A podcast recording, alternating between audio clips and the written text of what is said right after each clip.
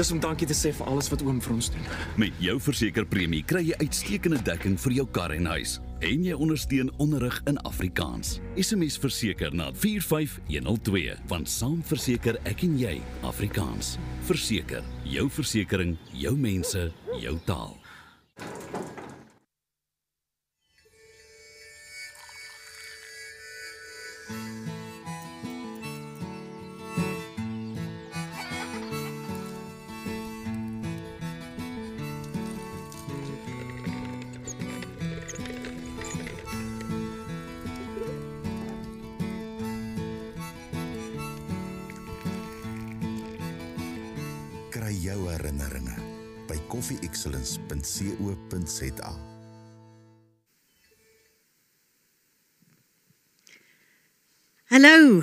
Hartlik welkom by vanjaar se Ek wil, ek kan, ek sal konferensie. My naam is Sarina Bosman. Ek is 'n omroeper en programbestuurder by Pretoria FM en dit is so lekker om vanjaar deel van hierdie wonderlike geleentheid te wees. Ek dink die afgelope paar jaar was vreemd en die lewe het met ons dinge gedoen wat ons nie eens geweet het hy kan doen nie.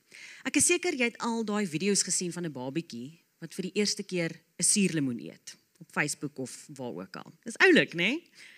Party van die babatjies gril, trek hulle gesigte, ander huil, dan is daar 'n paar wat daarvan hou en teruggaan vir nog 'n happie. En ek dink dis vir ons oulik om daarna te kyk totdat jy daai babatjie is wat goedsmoeds 'n suurlemoen in jou mond druk en jy weet nie wat om te verwag nie. En dan jy hierdie gaga smaak in jou mond. En ek dink die lewe doen dit soms met jou. Hy gee vir jou daai gaga smaak. Jy het nie eers geweet dit gaan kom nie. Dan gee hy vir jou 'n suurlemoen. En jy ken ook die uitdrukking when life gives you lemons, make lemonade. En vandag het ons van die land se topsprekers hier om vir jou die regte bestanddele te gee om limonade te maak van daardie gaga suurlemoene wat die lewe vir jou gee. Ek self het onlangs 'n suurlemoen geëet. Ek was by die werk gewees, doodgewone dag en skielik uit die bloute kry ek 'n oproep van my man van 6 jaar wat vir my sê hy wil nie meer getroud wees nie. Dit dit voel nie net soos 'n suurlemoen wat jy eet nie, dit voel of iemand 'n hele vrag suurlemoene op jou afgegooi het. Dalk is daar 'n ander suurlemoen in jou lewe in die stadium. Dalk gaan jy self deur 'n egskeiding. Dalk het jy onlangs 'n geliefde aan die dood afgestaan. Dalk gaan dit nie goed met jou besigheid nie of jy het jou werk verloor. Dalk sit jy met 'n rebelse tiener in jou hande en jou hare en jy weet nie wat om te doen nie. En vandag is ons juis hier om die regte bestanddele met jou te deel om deur hierdie seisoen te kom. Sodat jy nie net daai limonade en daai suurlemoen kan drink nie, maar dat jy kan geniet. Nou as jy nie van limonade hou nie, jy kan vir jou 'n suurlemoen meringue maak, jy kan tequila bysit, wat ook al jy wil doen.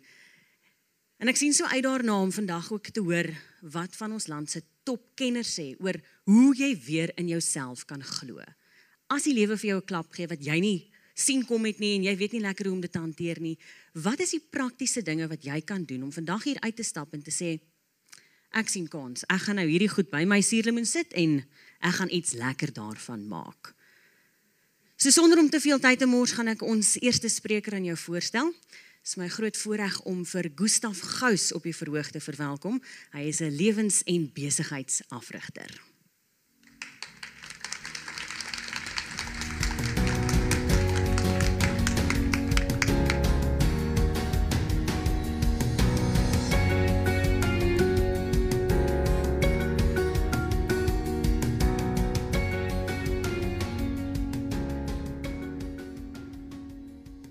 Houding bepaal alles. Jou ingesteldheid gaan maak waar jy gaan uitkom.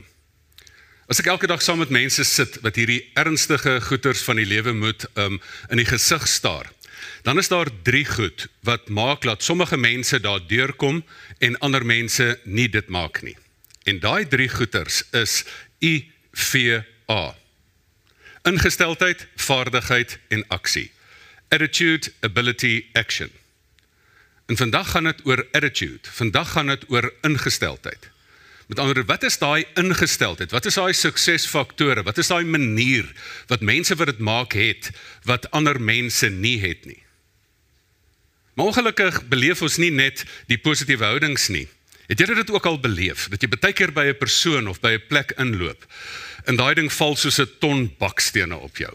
Daai ding val op jou, hy hy hy hy, hy dreig jou sommer so, dit is so 'n houding waarin jy vasloop, so 'n ou suur houding of so 'n negatiewe houding dat jy sommer net al sê, "Ag, nee, jy daar's 'n mooi Afrikaanse woord, jy cringe sommer daaroor." Dat jy sommer so wil sit en dat jy sê nee nee nee asseblief regtig dit dit kan nie dit kan nie so erg wees nie. Weet jy daai attitude is so is sodat dit jou nie dat dit jou nie um, so aanstaan nie dat jy eintlik vir daai persoon so in jou agterkop vra maar ek wens jou ma het jou beter groot gemaak. Kon jy nie 'n beter attitude in die lewe gehad het nie. En weet jy dan kom jy nog baie keer in jou huis en veral as jy tiener kinders het, dan loop jy jou vas in 'n attitude. Nie dat jy daarmee sukkel nie. Ek het nou met my kinders doen ek dit nou dalk maar julle glad nie. Ehm um, maar met feit van die saak is is dat jy in jou tieners vasloop. Ehm um, en dat daar jy, jy eintlik vir sê sissie, daai attitude gaan nie vlieg in die wêreld nie. daai ding gaan dit nie gaan dit nie maak later nie. En jy moet dankbaar wees dat jy nou hier is nog in die leerskool is. En nes jy wil sê ek wens jou ma het jou beter grootgemaak en vir jy is die ma.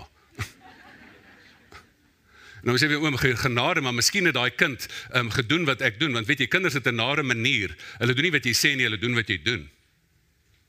En as jy vir jouself afvra, hoekom is daar party families in die wêreld wat binne elke ehm um, silwer randjie 'n donker wolk sien en nie andersom soos dit moet wees nie?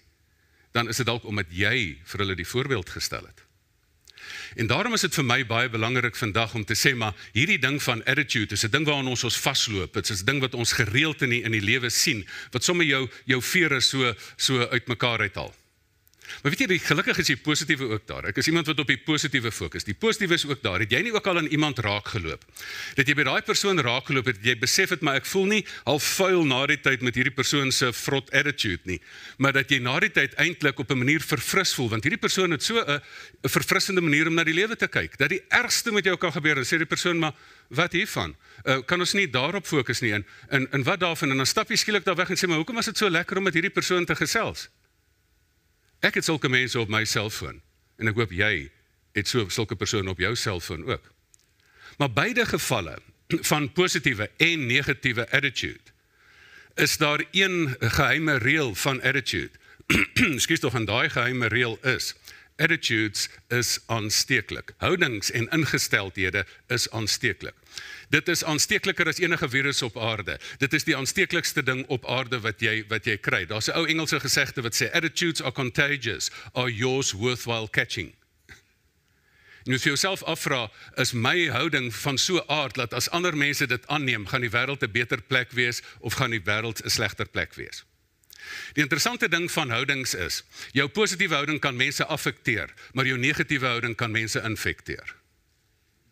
En ek dink dit is wat 'n mens moet besef, dat jy op hierdie punt kom van hoe gaan ons hierdie ding van die aansteeklikheid um, van houdings gaan ons dit hanteer. Maar weet julle wat is die groot vraag? Die groot vraag is nommer 1 As dit dan so aansteeklik is, waar waar sien ek dat ek dan 'n positiewe houding kry?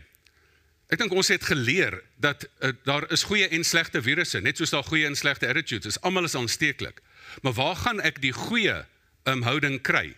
So die groot vraag vandag is, waar kry ek dit? Hoe leer ek dit vir my kinders en hoe hanteer ek um ander mense wat jy gereeld in vasloop wat 'n aaklige attitude het?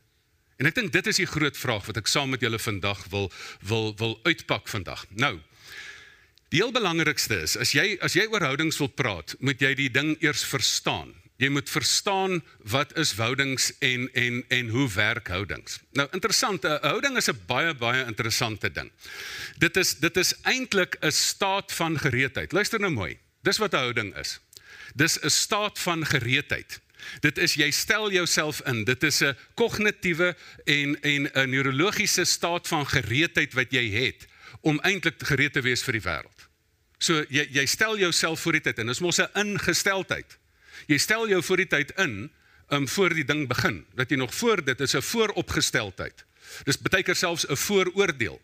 So jy is gereed met hierdie ding. Jy staan nou eintlik, hier gaan die lewe nou kom en hier is jy nou gereed. Jy's nou ingestel. Nou as ons die ding wil verstaan, moet ons verstaan wat se tipes attitudes is daar. Hoe vorm die goeters? En die tipes attitudes wat 'n mens kry, houdings wat 'n mens kry is is baie eenvoudig. Jy het 'n tipe en dan 'n inhoud vir daai tipe. Mense het houdings oor ander mense.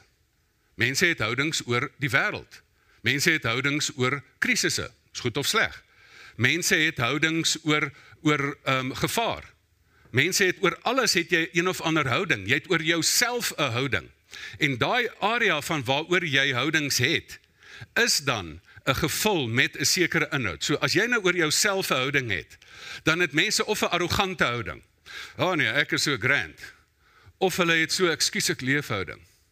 Ehm um, en en dat jy nie ruimte kan vul nie. En al twee van daai houdings sit mos by jou. As as jy sulke houdings raakloop in lewe, dan voel jy mos hier's iets nie lekker nie. Asseblief, skuis ek leef man. Wil jy vir daai persoon wil eintlik net sê asseblief man, vul ruimte. Vul jou regmatige ruimte. Moenie so Lady Diana houdingkie kry en hier onder jou kuifie uitloer nie.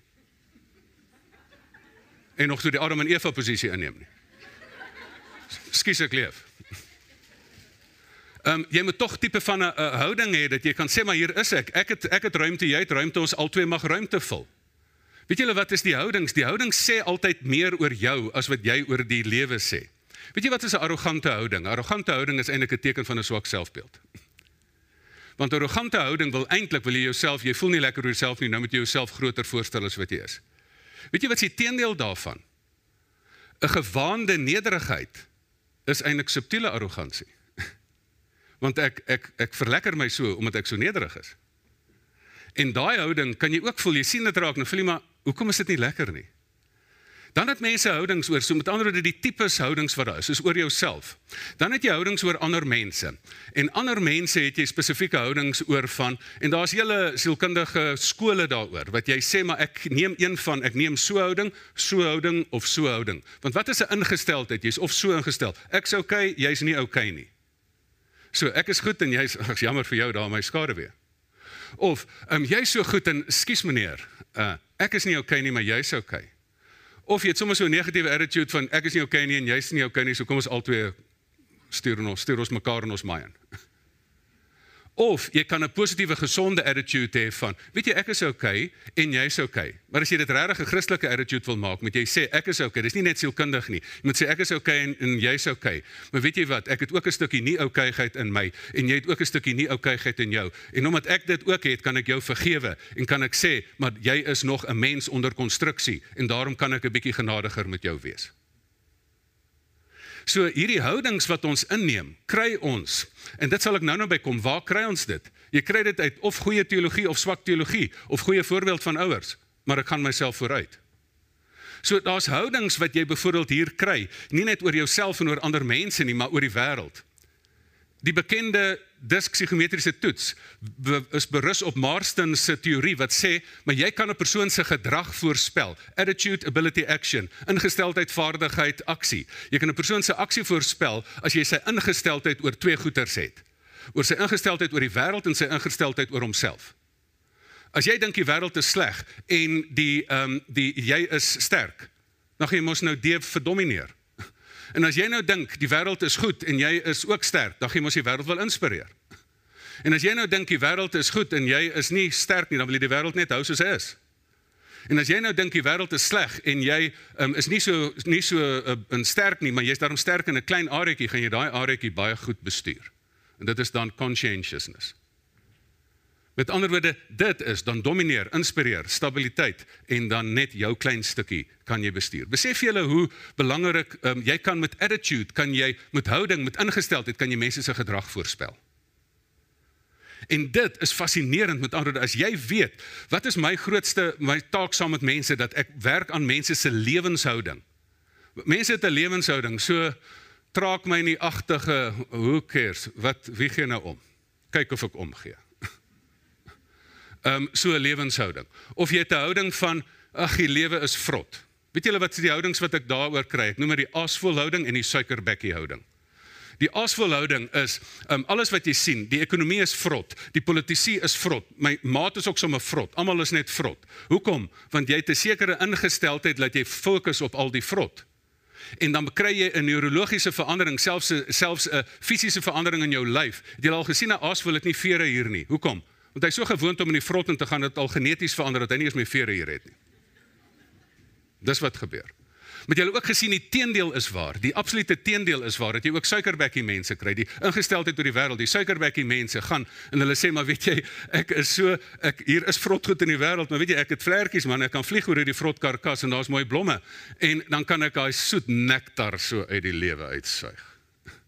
Dis mos 'n ingesteldheid.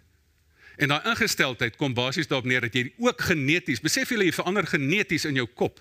Daai bekkie het al langer gegroei om nog meer nektar te kry. Is dit nie mooi nie? Sodat jy jou ingesteldheid verander later jou genetika. Dit verander jou genetika. Weet julle dat mense ook ingesteldhede oor die dood het en ek gaan afsluit later met met 'n ingesteldheid oor die dood. Jy kan dink die dood is 'n uh, verskriklike ding. Hoekom het die wêreld in 'n angsneurose verval in sekere tye van die geskiedenis? Want ons is so bang vir die dood. Ons vrees drie goeters, ons gaan ons lewe verloor, ons gaan 'n geliefde se lewe verloor of ons gaan iets waardevol verloor. Dis die drie groot goed wat ons vrees. Mense, wat is jou kans om te sterf aan sekere sekere siektes, kanker, enigiets, enige virus? Kom maar 000 iets. Wat is jou kans om te sterf in die lewe? 100%. Jy het dit besef so leef asof dit 'n werklikheid is.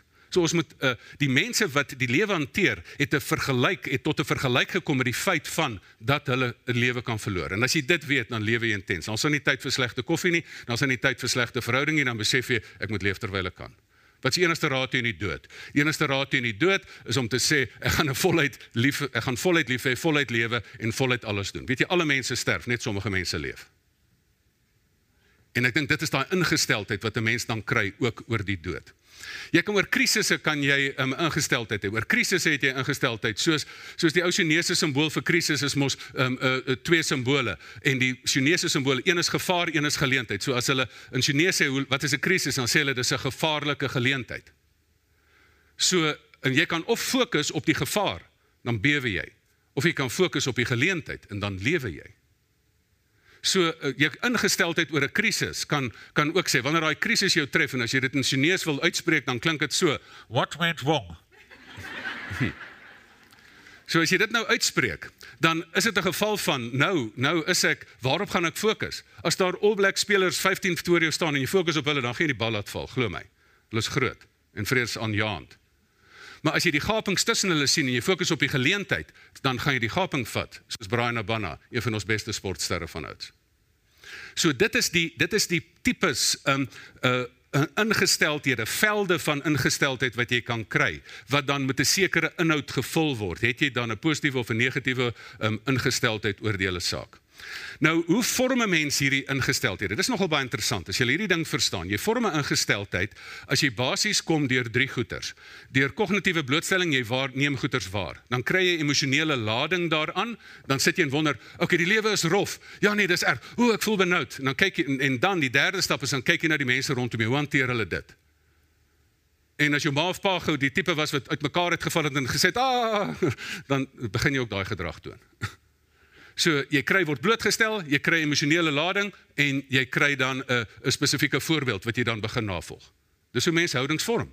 Mense word nie met houdings gebore nie. Raai wat? Daai babatjie is skoon van houdings wanneer hulle gebore word. jy kry daai houdings al met die pad lank. Dit is dis wat gebeur. En en dit is dan hoe houdings spesifiek gevorm word. Nou, wat is die doel van houdings? Weet julle hier is 'n ongelooflike interessante ding wat 'n wat 'n wat houdings se doel vir het. Hy maak die wêreld vir jou voorspelbaar, so jy berei eintlik voor op iets wat kom. Dan is die tweede ding is, hy gee vir jou, hy beskerm jou. Luister nou, jou gevoel oor jouself. Weet julle wat het ek agtergekom? Daar's baie mense wat 'n suur attitude het en hulle het glad nie 'n probleem daarmee nie. Weet julle hoekom? Want dit help hulle. Dit het 'n funksie in hulle lewe. Hy's daai persoon sê, weet jy, ek kan vir jou sê hierdie ding gaan nie werk nie. En ek wil in elke projek is almoes helfte goed wat werk en helfte nie. Dan sê ek het jou gesê. So ek is eintlik in beheer. So dit gee vir jou eintlik 'n gevoel van beheer. Dit gee vir jou 'n gevoel van voorspelbaarheid. Ek kan die dit is 'n tegniek wat jy gebruik om in beheer te kom van die lewe. Dit is die doel van 'n houding. As jy kan sê, man, ek voel nie eintlik so goed oor myself nie. Maar weet jy, daai ander ras, hulle is dan sleg, jong. So ek self is nie lekker okay oor myself nie, maar ek is sleg, maar julle is slegter. So dit gee vir jou 'n 'n 'n gevoel van dit hou jou jou gevoel van selfwaarde hou dit in plek. sodat jy dan vir ander mense kan eintlik kan sê dit laat jou eintlik bietjie beter voel oor jouself. So as jy arrogant is, um, ek weet ek is eintlik minder um, prestasie um, tot in staat as daai persoon, maar my arrogansie sê, "Ag ja, ek is eintlik grand." Ehm um, dis hoekom ou Josef in die Bybel in die put gegooi is. Die ouetjie het 'n bietjie arrogante attitude gehad. In die in die in die um, uh, musical Joseph and his amazing technicolor dreamcoat het die ouetjie daar geloop en sing. I'm so handsome, I'm so smart, I'm a walking work of art. Dink jy dit sit goed by broers, né? Veral ouer broers. Hulle is jou in die put gooi man. Hulle sorry. Jy moet nie met daai attitude probeer nie. Dis 'n interessante ding. Jy probeer daai houding in die lewe dan loop jy jouself vas. En dis baie keer 'n goeie ding. Dat as jy besef maar luister hierdie ding werk nie. So as dit nou die doel van 'n van 'n houding is, dan is die groot vraag van hoe verander ek my houding? Want jy het seker goed aangeleer. Maar weet jy ons is op 'n stadium in die lewe waar jy nie net goed moet aanleer nie, jy moet ook goed afleer. As jy jonk is moet jy nog net goed aanleer, maar op 'n ouer ouderdom moet jy eers goed afleer. Dit is learn, unlearn, relearn. En op daai stadium nou, hoe doen 'n mens dit? En weet jy, dit is waar die die lewe baie keer vir jou uh, die skool gee. Die skool van die lewe, hy hy skryf jou in sonder dat jy vra. Viktor Frankl is ingeskryf in die skool van dat hulle hom nie in 'n uh, 'n uh, 'n uh, COVID saal waar ek Januarie 'n uh, jaar gelede was nie, waar mense daar is om jou lewe te red nie. Hulle het hom in 'n strafkamp gegooi waar hulle probeer het om hom dood te maak. Hulle gooi jou daar in 'n plek in dat jy sê maar hoe moet ek oor die lewe dink? Die lewe is sleg. Ander mense wil my wil my oor my ras wil hulle my staan en doodmaak omdat ek 'n Jood was, wil die Duitsers my doodmaak. Nou sê hoe gaan ek nou? Ah, oh, die wêreld is so sleg en wat is dit? En daar besef hy, weet jy, daar's baie keer 'n situasie in die lewe wat jy die situasie nie kan verander nie. En Viktor Frankl se les in die wêreld was, is die baie keer kan jy die situasie nie verander nie, maar die laaste stukkie menslike vryheid lê daarin dat jy jou houding oor die situasie kan verander. Weet jy ons probleem is nie die probleem nie. En dit is hoekom ek in die begin gesê het houding kan alles verander. Ons probleem is nie die probleem nie, ons probleem is ons houding oor die probleem. En dit is die kern wat jy vir jouself moet besef. En as jy jou houding oor die probleem anders kry, as jy glo jy kan dit doen, dan sal jy dan sê reg. As jy glo jy kan dit nie doen nie, is jy ook reg. So dit is wat ons vir mekaar moet sê dat jy met jou houding kan verander. Maar hoe doen 'n mens dit? Hoe doen 'n mens dit? En daai spesifieke manier van van om jou houding te verander is 'n baie baie interessante roete wat jy wat jy daar rondom kan volg. So kom ons vat daai houding en dan dan sê maar jy moet eintlik eers um, enigiets wat jy mos wil doen, jy moet mos maar eers 'n uh, um, die ding bekyk. So jy moet eers die ding toets. En daarom is die toets wat ek vandag vir jou wil gee is ek wil vir jou die houdingstoets gee. Die houdingstoets in die wêreld is vat jou houding en kom ons vat jou spesifieke houding soos jy hier sit. En dan vat jy daai houding en jy sê maar ek gaan hierdie houding aan die hele wêreld nou gaan my houding inneem. En dan vra jy vir jouself 'n eenvoudige vraag: gaan die wêreld in 'n beter toestand wees ja of nee? Wil ek hê die res van die wêreld moet ook my houding hê of my ingesteldheid hê? En as die antwoord nee is, dan verander jy die ding. So dis die eerste toets wat jy moet doen. Jy moet gewoon vir jou 'n baie eerlike oomblik met jouself kry. Die volgende ding wat jy vir jouself moet doen is jy moet vir jouself sommer jy moet daar's daar's psigometrika beskikbaar. Ek het jare lank daarna gesoek. Ek het een toets ontdek wat jy houding kan toets wat hulle kan sê maar is ek is ek betrokke op 'n nie aggressiewe konstruktiewe manier? Of is ek betrokke op 'n aggressiewe manier? Of is ek onbetrokke op 'n aggressiewe manier? Stap net en julle is almal 'n klomp simpel mense en dan stap jy uit. Jy kry mos sulke mense wat so instap in die vergadering. Dis daai tipe houding. Of as mense wat net onbetrokke is en onaggressief is wat net so daar's niks houding eers nie. So daai ding kan getoets word. Weet jy wat hoe lekker is dit? Ek sit baie keer met kliënte dan loop hulle hulle vas in verhouding. Dan sê ek nou, kom ons toets die ding en gesels met my daaroor. Maar hoe mense dit doen? Maar die feit van die saak is hoe jy kan basies daai houding kan jy eers toets. En dan moet jy 'n breinwasgoed doen. Weet julle wat is breinwasgoed? Almal wat al wasgoed gewas het. ek moes ook al kere. doen dit nie graag nie, maar ek moes al. As jy wasgoed was, dan moet jy die donker goed en die ligte goed mos uitmekaar uithou. Want hierdie donker ding kan mos daai ding nou vlek. Besef julle 'n negatiewe attitude kan 'n positiewe een vlek.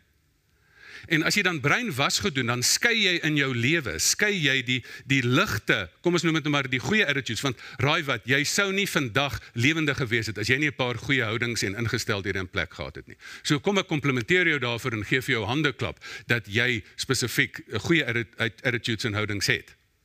Maar die probleem is is dat jy ook 'n paar negatiewes is wat jy jouself in die voet skiet. En daarom moet jy die goeie skei en jy moet nou hierdie ander ene vat en gesê waar kom die dekselse ding vandaan?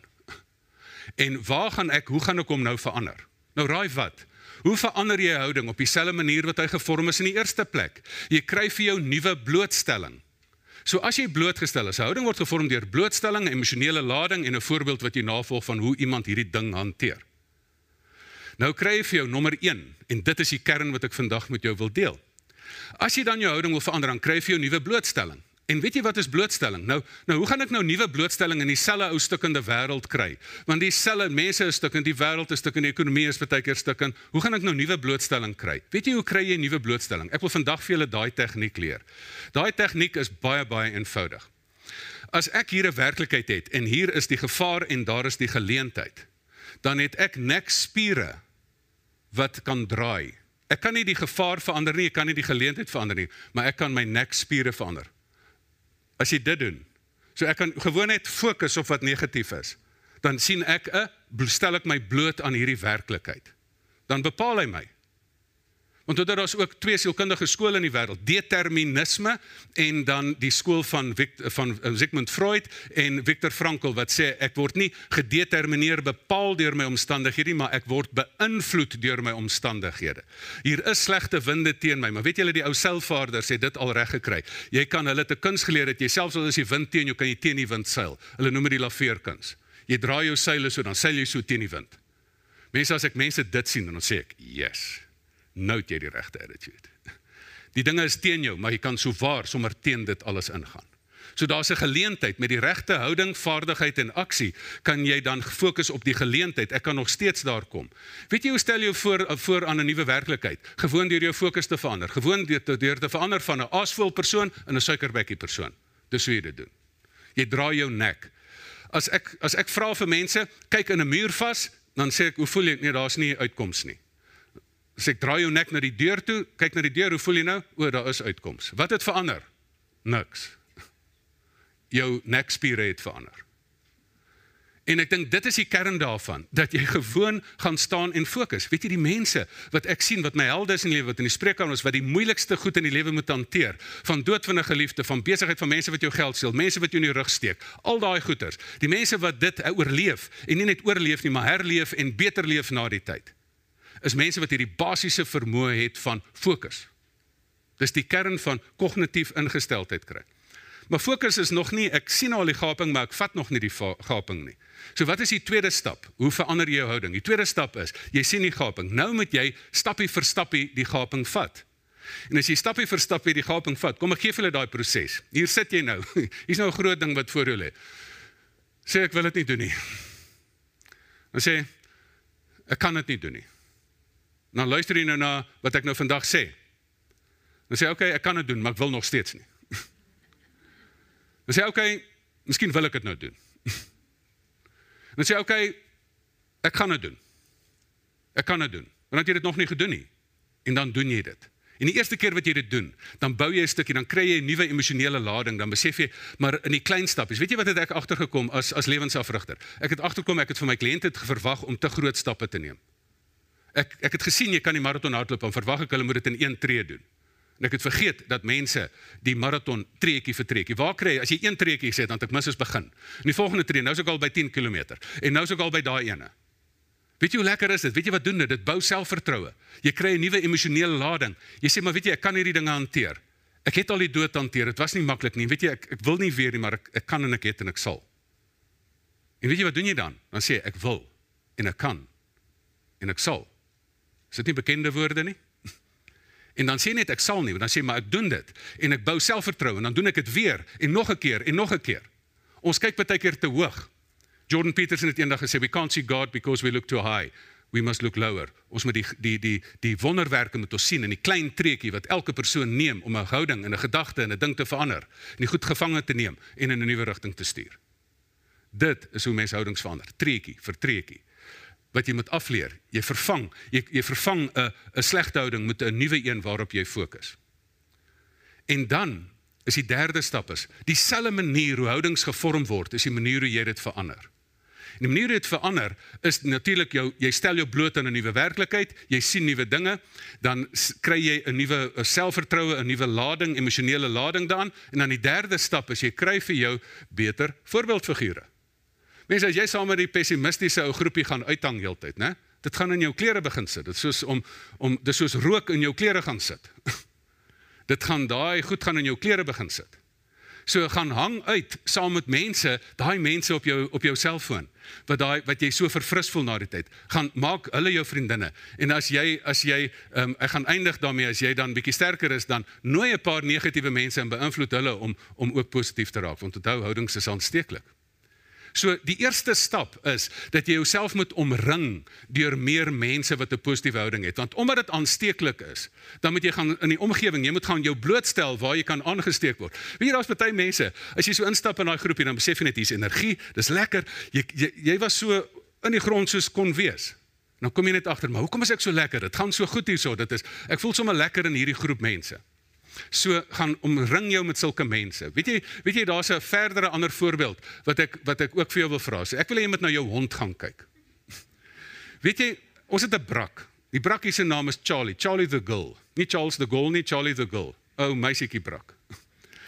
En sê die positiefste houding. Nou sê ek vir my kinders, julle moet 'n Charlie houding aanneem. Want Charlie is ons vir Charlie alleen by die huis, ons sit sy nie daar by die huis en sê, hm, "Julle het my alleen gelaat nie, né? Ek gaan julle nou julle tone byt nie." Sy kom daar so sy sê, "Julle was simpel geweest. Kyk hoe baie het ek om te bied. Hier is ek, ek is terug. Ek gaan julle papnat lê. Kyk wat het ek alles om te gee." Dan sit ek daar en ek dink hierdie hierdie houding van ou Charlie. Charlie het 'n uh, het 'n uh, jy jy kan nie vir Charlie onderkry nie. Charlie is net so het net so houding. Sy net sê, "Hier is die lewe. Ek vat hom. Wat is julle so simpel? Hoekom is julle so moeg? Wat is julle lewens nie reg beplan nie? Hoekom kan julle nie speel nie? Wat's fout met julle?" So Charlie, nou nou sê ek vir my familie, nou kom ek by die huis. Dan met daai houding. As jy by die huis kom en daai hond sit daar en grom vir my, dan sê ek, "Hey, hey, ons gaan nie 'n lekker verhouding hier hê nie." Weet jy hoe goed is dit vir my selfbeeld? Ek stap by die huis in. Daai hond is elke keer nie bly nie in ekstase om my te sien. Net keer dat hy die mat nat piep nie. So die die die die feit van die saak is hier, jy moet 'n jy moet 'n houding kry. Dan dink ek, genade as die hond dit kan weet, hoekom kan ons dit nie ook doen nie? Begin groet net mense. As jy iemand sonder 'n glimlag sien, gee vir iemand 'n glimlag. Doen dit net bietjie. Probeer dit. Gee vir iemand 'n glimlag en kry die ding terug. Dit is dit is speelbeeldhoudings. Maar ek wil die beste wil ek vir julle nog gee. Die beste is nie om dit by mense en by diere te gaan soek nie. Maar kom ons gaan na die beste houding van alle tye. Weet jy, sal dit nie lekker wees om die volgende persoon as jou vriend te hê nie? Die volgende persoon, sê nou maar dis 'n persoon wat 'n houding teenoor mense het van sê weet jy ek kan sien julle maak seriously droog. Maar weet jy ek sien nie die droog maak nie, ek sien die potensiaal in jou. En ek sê maar luister, ek sien julle breek my goed. Maar ek gaan jou help om hierdie goed wat jy breek weer heel te maak.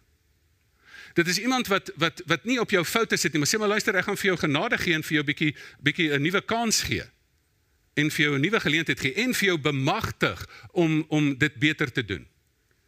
Julle weet natuurlik na wie ek verwys. Is daar nie een persoon wat eintlik sê wat na jou kyk en sê, weet jy, ek kyk nie net na jou en sê jy is 'n aklige ou sondaar nie. Sê kyk, jy jy's 'n persoon met die potensiaal het om vergewe te word. Jy's 'n vergeefte sondaar. Dis 'n beter attitude om oor houding oor mense te hê. Dis iemand hier kry jy die skepping, hier breek ons die skepping. Ons is besig om met met met slegte tegnologie en met ehm um, slegte maniere in industrie en goeder vir tydjie die natuur te breek. Hy sê maar ek is nie net die skepper nie, ek is die herskepper. As jy jou eie lewe vat en jy kry hierdie geskenk van die lewe en jy breek die ding. Sê net sê ja, ja, suffer nou maar nie, né? Dis nie ek sal by jou kom staan. Ek sal saam met jou sit en ek sal hierdie ding herbou. Dis die persoon wat sê maar luister ek is nie net 'n minus tot 0 vriend nie wat jou as jy moeilikheid gemaak het jou van minus tot 0 vat nie. Ek is die vriend wat vir jou gaan sê maar luister ek wil vir jou meer as 0 hê. Hierdie geminus tot 0 ry is is is is is net helfte van die lewe. Natuurlik is dit my my sprekers en my spreekkamer doel dat ek die hoogste moontlike mate van heelheid skep wat binne 'n gegeewe situasie moontlik is. Hoor daai ene. Gaan dit weer sê dat jy saam met iemand sit en die hoogste moontlike mate van heelheid skep wat binne 'n gegeewe situasie moontlik is. Maar ek wil nie net 'n minus tot 0 coach wees nie. Ek is 'n 0 tot 100 coach, want ek leer dit by die hoofcoach. Wat sê maar ek wil hê jy moet 'n lewe van oorvloed hê. Jy wil 'n 10 uit 10 lewe hê. Besef julle daar's 'n 10 uit 10 geskrif in die Bybel? Johannes 10 uit 10. Waar staan? Die dief in die nag wil van jou steel en dit beteken jouself met jou slegte houding. Maar hy sê ek wil vir jou 'n lewe van oorvloed gee. Nie net minus tot 0 nie, 0 tot 100. En dit is dan hoe jy jou houding verander. Jy moet bietjie uithang met meer positiewe mense. Dink jy dis dalk 'n goeie idee om as hierdie persoon beskikbaar is, bietjie meer tyd met daai persoon te bestee nie? Dat sy attitude en sy houding en sy ingesteldheid dalk op jou afvryf nie. Dat jy deur sy oë na mense kyk en hulle kan die potensiaal kan raak sien. Dat jy deur sy oë na die wêreld kyk, deur sy oë na krisisse kyk en sê dat dat mislukking sukses is nie finaal nie en mislukking is nie fataal nie. Dat jy dat jy sê daar's lewe na enigiets, selfs na die dood. Mense, watter beter vriend wil jy nie hê nie? As jy nou regtig jou houding wil verander, hang bietjie uit saam met beter vriende. En daar stel ek vir julle baie goeie vriend voor om jou uit te hang. Bestee tyd saam met die persoon. So dit is die is die kern van van hoe kan ek verander? Jy kry vir jou nuwe blootstelling deur fokus. Jy kry vir jou nuwe emosionele lading dat jy treetjie vir treetjie selfvertroue bou. En jy kry vir jou uh, die invloed van ander mense. Jy gebruik die aansteeklikheid van houding dat jy ander mense jou aansteek vir 'n beter houding. Maar weet julle hierdie ding van aansteeklikheid is nie net ag dit vryf af op jou nie. Dis nie so vlak nie. Weet julle wat wat iets wat ek persoonlik vandag wil deel. Wat ek persoonlik vandag wil deel is ek dink ek het nogal omdat ek 'n lewensafrigter is my my houdings en ingestelde probeer regkry in die lewe. Maar daar's een ding wat ek toe moes erken wat hy nie reg oor was nie. En dit was my ingesteldheid oor die dood. Ek het nogal gedink ek kan alles hanteer, maar weet jy, ek het my blootstelling aan die dood. As jy jou ouers sien sterf, as jy mense sien sterf, dan sê maar hierdie ding lyk nie romanties nie. Ek het nie, ek moet eerlikwaar te sê, het ek nog nie my attitude, my houding ingestel oor die dood was nog nie reg gewees nie. En raai wat? Toe land ek in COVID in die hospitaal op die randjie van die dood dat jy daai laaste oomblik wat jy sien daai helder lig en almal weet al die geskrifte daaroor as jy daai helder lig sien as jy so naby om oor te stap. En in daai oomblik het daar iets wonderbaarliks gebeur dat daar 'n duif voor die lig ingevlieg het op my gekom het gevul het dat ek gevoel het soos 'n glas wat oorloop dat vrees en angs verdryf is. Die houding van angs is deur vrede en vreugde vervang dat dit oorlopends toe vol geword het dat ek in my geestes oë gesien het hoe dit in die gange van die hospitaal afloop. En daar lê ek so siek soos 'n hond. En ek voel okay ek weet nie hoekom nie. Of ek weet hoekom. Want my angs is met 'n ander houding vervang En ek het in daai oomblik 'n intense belewenis gehad. Ek is blootgestel aan die bron van die lewe self en daar sit ek en ek en ek en ek die boodskap wat ek daar gekry het, Gustaf, die dood was nie vir jou beskikbaar vandag gewees nie. En ek vra myself hoekom? Omdat ek moet terugkom en vir mense sê wat vir wie mense vir wie die dood beskikbaar was, wat hartseer is omdat daai persoon alleen baie keer is. Dat jy dat 'n persoon alleen sterf, dat ek sê jy hoef dit nie eers te vrees nie want ek het die slegste en die beste tyd in daai oomblik beleef. My houding oor die dood het verander because it was soos uh, Charles Dickens said was the worst of times but it was the best of times. Want ek het die diepste, mooiste oomblik van intimiteit beleef en my houding oor die dood is dat ek op 'n vreemde manier nie meer bang is vir die dood nie. Nie arrogant ja, ek daag die dood uit nie. Nee, ek ry nog veilig. Maar ek, ek weet wanneer ek daai laaste oomblik kom, dan is my houding oor die dood anders want dit gaan 'n intieme ongelooflike mooi oomblik wees. En wat het daai houding verander? Blootstelling. Nie sommer net afvry van 'n houding op jou nie, maar blootstelling aan die persoon het dit afgevryf op my. Het dit my nie net afgevryf, het dit jou gevul. Mense, dit is die hele proses van hoe houdings verander. En dan sou nog een of twee goed oor om te sê. As dit nou met jou gebeur het en jou houding, jy weet houding kan verander dan het jy nou mos ook die antwoord nou, hoe moet ek my kinders leer om 'n houding te verander?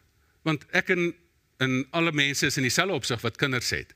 Hulle sê hoe leer ek my kinders? Hoe leer ek my maats? Hoe leer ek my vriende? Hoe leer ek my kollegas by die werk om 'n positiewe houding te hê? Ek stel vir hulle die voorbeeld. Ek help hulle om te fokus. As jy ouens die negatiewe dinge sien, sê ek wys ek vir hulle die suikerbekkie opsie. As mense 'n probleem het, dan sê ek maar luister, ons gaan nie die probleem fokus nie, ons gaan op die geleentheid fokus. Hierdie is nie 'n probleem nie, hier is 'n uitdaging. Hier is nie 'n gevaar nie, hier is 'n geleentheid. Ons kan vir elke verleentheid 'n geleentheid maak. En raai waar het ek dit geleer? Toevallig by my oupa wat altyd so gesê het, Gustaf, jy kan vir elke verleentheid 'n geleentheid maak. Kyk, dit het afgevryf op my. Dit het afgevryf. En dit is waar jy dit moet leer. En weet julle wat? Dan begin jy 'n persoon raak wat dan skielik nie net met 'n houding sit nie, maar dan begin jy 'n mens en 'n man en 'n vrou met 'n missie word. En dan is jou missie dat jy kan in die wêreld ingaan en sê luister, ek wil hierdie ding gaan versprei. Ek gaan nie net sommer net met hierdie houding sit nie. Ek gaan elke dag opstaan en ek gaan nie my make-up opsit om my om my suurheid of my hartseer te te verbloem nie. Ek gaan my houding opsit. Die eerste ding wat jy moet aantrek voor jy jou onderklere of jou of jou make-up aantrek, trek jou houding aan. En dan sê, this is who I am. Ek is op aarde met 'n doel. Ek's 'n man en 'n vrou met 'n missie. Weet jy wat is my missie? My missie hoef nie die wêreld uit te gaan en hierdie viraal te versprei, hierdie houding viraal te versprei.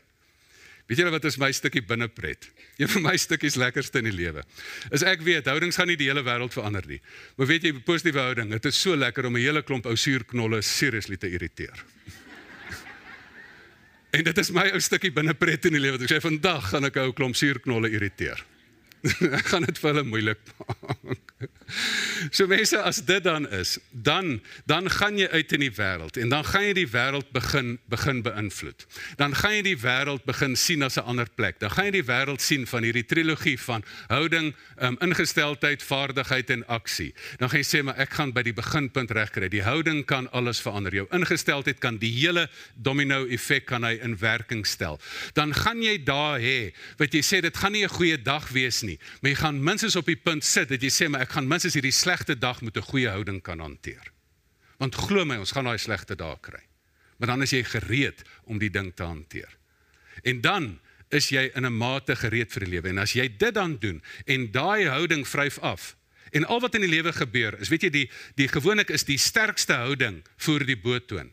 En as jy daai daai houding vat en hom sterker maak en hom sterker maak en hom laat groei en hom al groter laat word, dan is dit 'n kwessie van dat jy die mense gaan jou nie keer nie.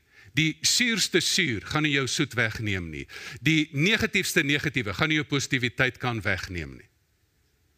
En dat jy dit elke keer met nuwe met nuwe dinge laai. Hoeveel keer het ek nie vir my spreekkamer toe ek nog Sassel se inhuis coach was gery, dan dan ek die langs die poele van pyn gesit daai dag en dan luister ek net positiewe insette en dan laai ek my kop weer met positiwiteit omdat die negativiteit dit nie kan oorspoel nie. Mense ek wil afsluit met 'n laaste gedagte.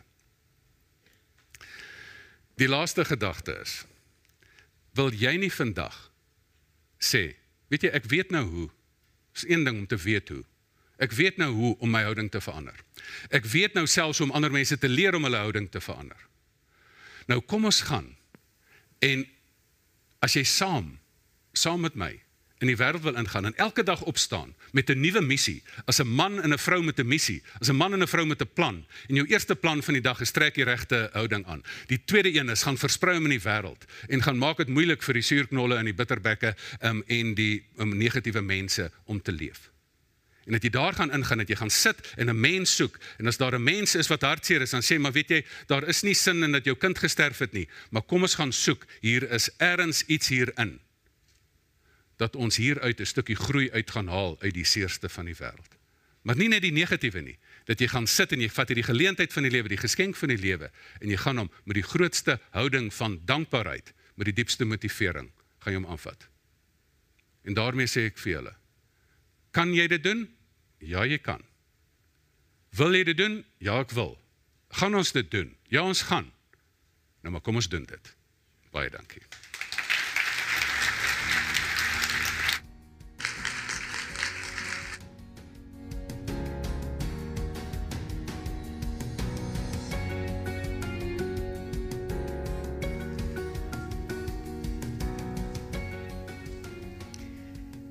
Baie dankie Gustaf vir daardie inspirerende woorde. Jy het iets gesê wat my so bygebly het. Dis 'n gediggie wat ek al eintlik op hoërskool gesien het iewers en jy het dit genoem. Jy het gesê kom ons steek die wêreld viraal aan met ons ingesteldheid. So ek wil graag die gediggie vir jou lees. Dit is nou ongelukkig in Engels, maar hy gaan so.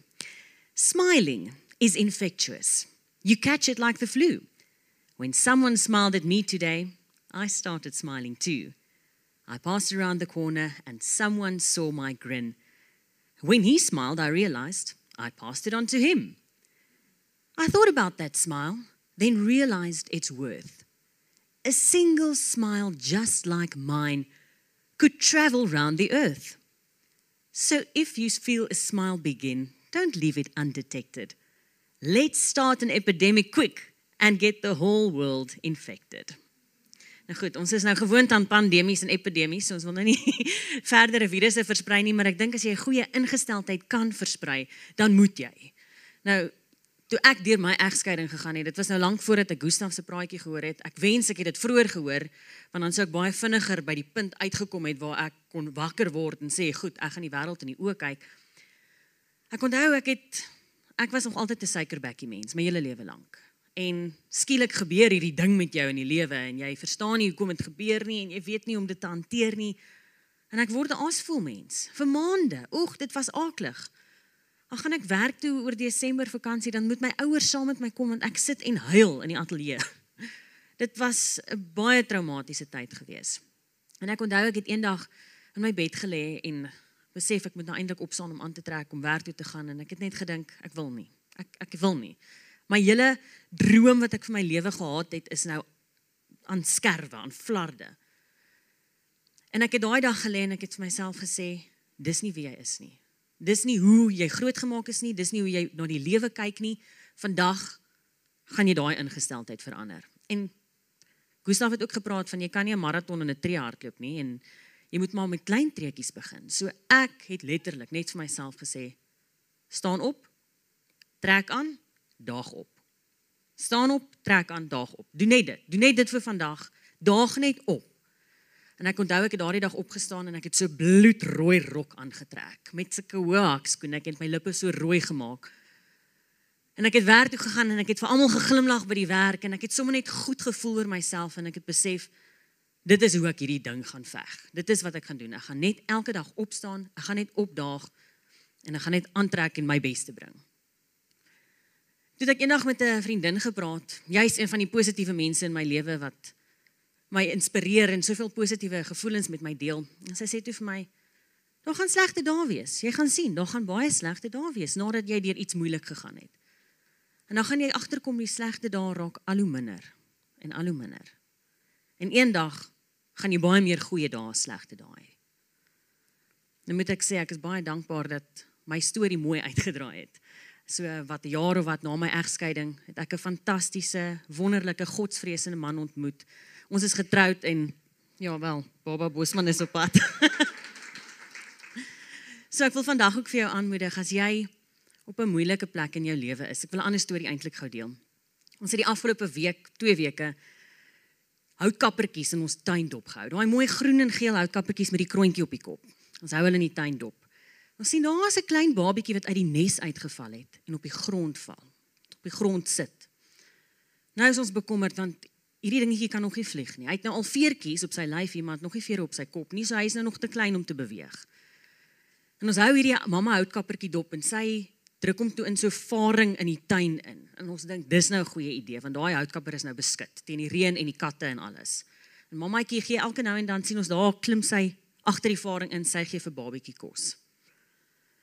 En ek sê toe na die tyd vir my man, dit is my eintlik so mooi as 'n mens daai varing ideologie wil gebruik.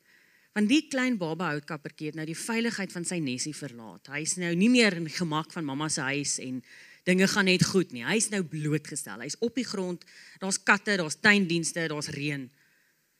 En hy's in hierdie varing ingedruk. Dis nie waar hy wil wees nie. As jy nou die houtkappertjie dop en dan sien jy hy's so 'n stout kind. Hy sê: "Mamma, ek wil net speel. Ek wil net uitgaan."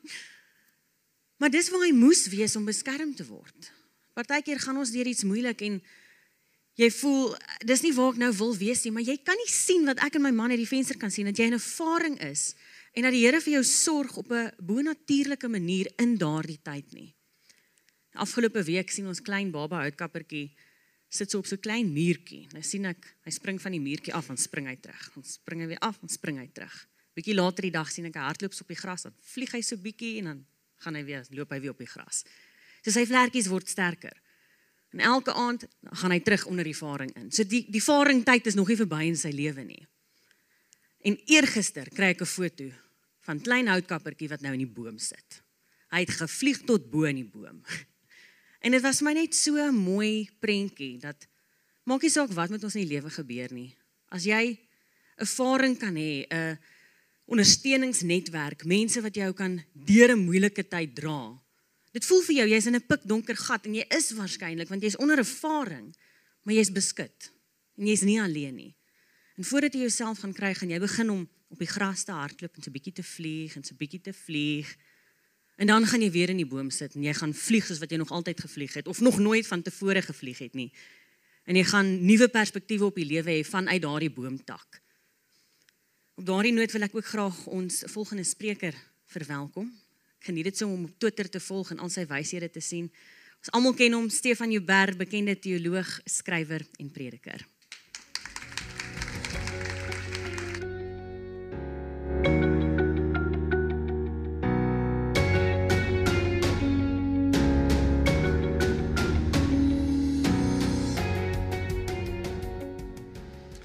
Ek onthou by 'n klooster van stilte is die mense toegelaat om elke jaar twee woorde te sê.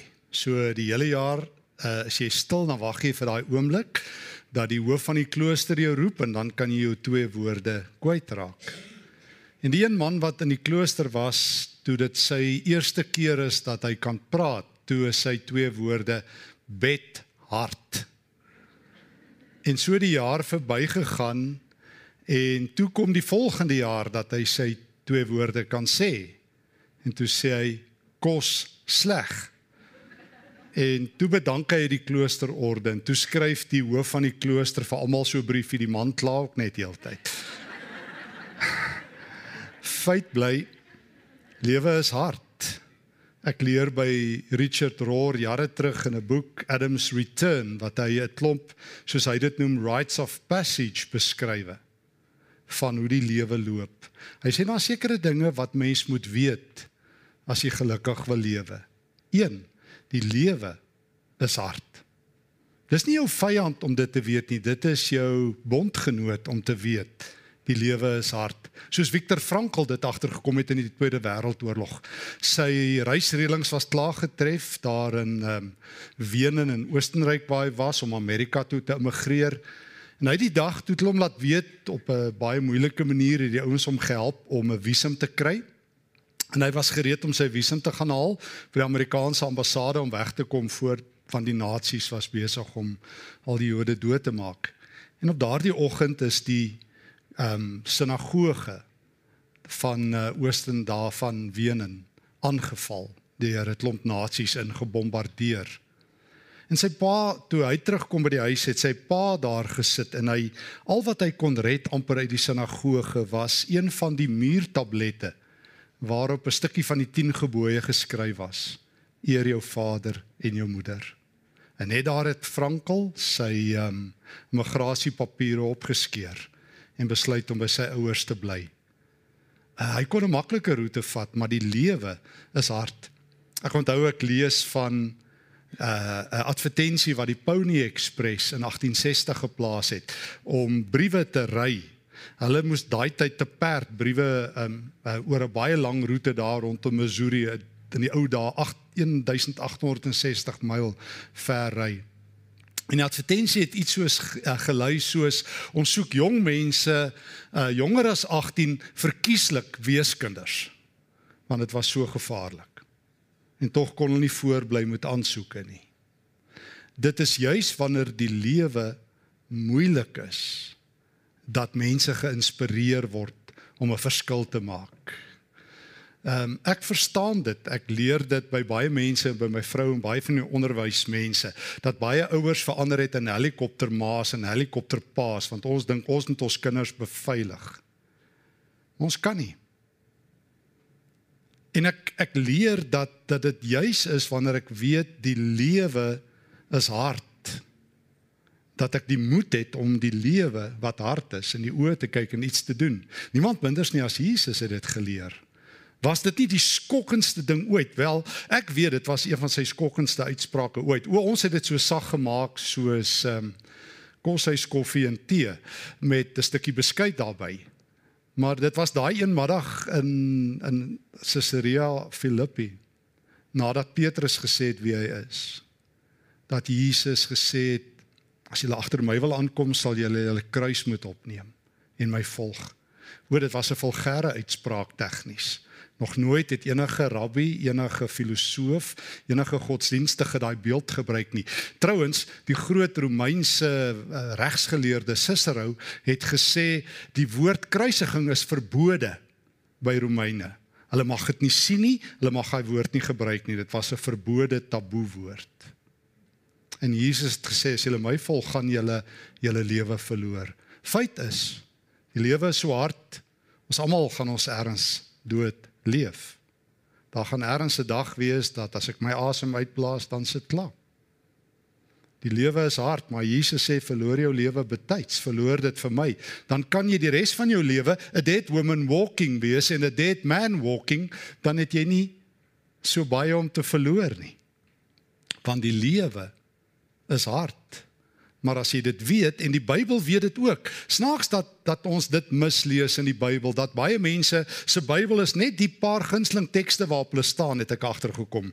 Soos wat ek een keer by Morletta Park gesê het toe 'n tannie vir my sê sy staan op die Bybel toe. Ek vra gesê tannie klim af en lees dit. Dis beter. Want ek sien jy staan op die Bybel, maar dit is maar al. Want dit is wanneer jy die hele Bybel lees en jou Bybel nie bestaan uit jou 10 gunsteling tekste nie.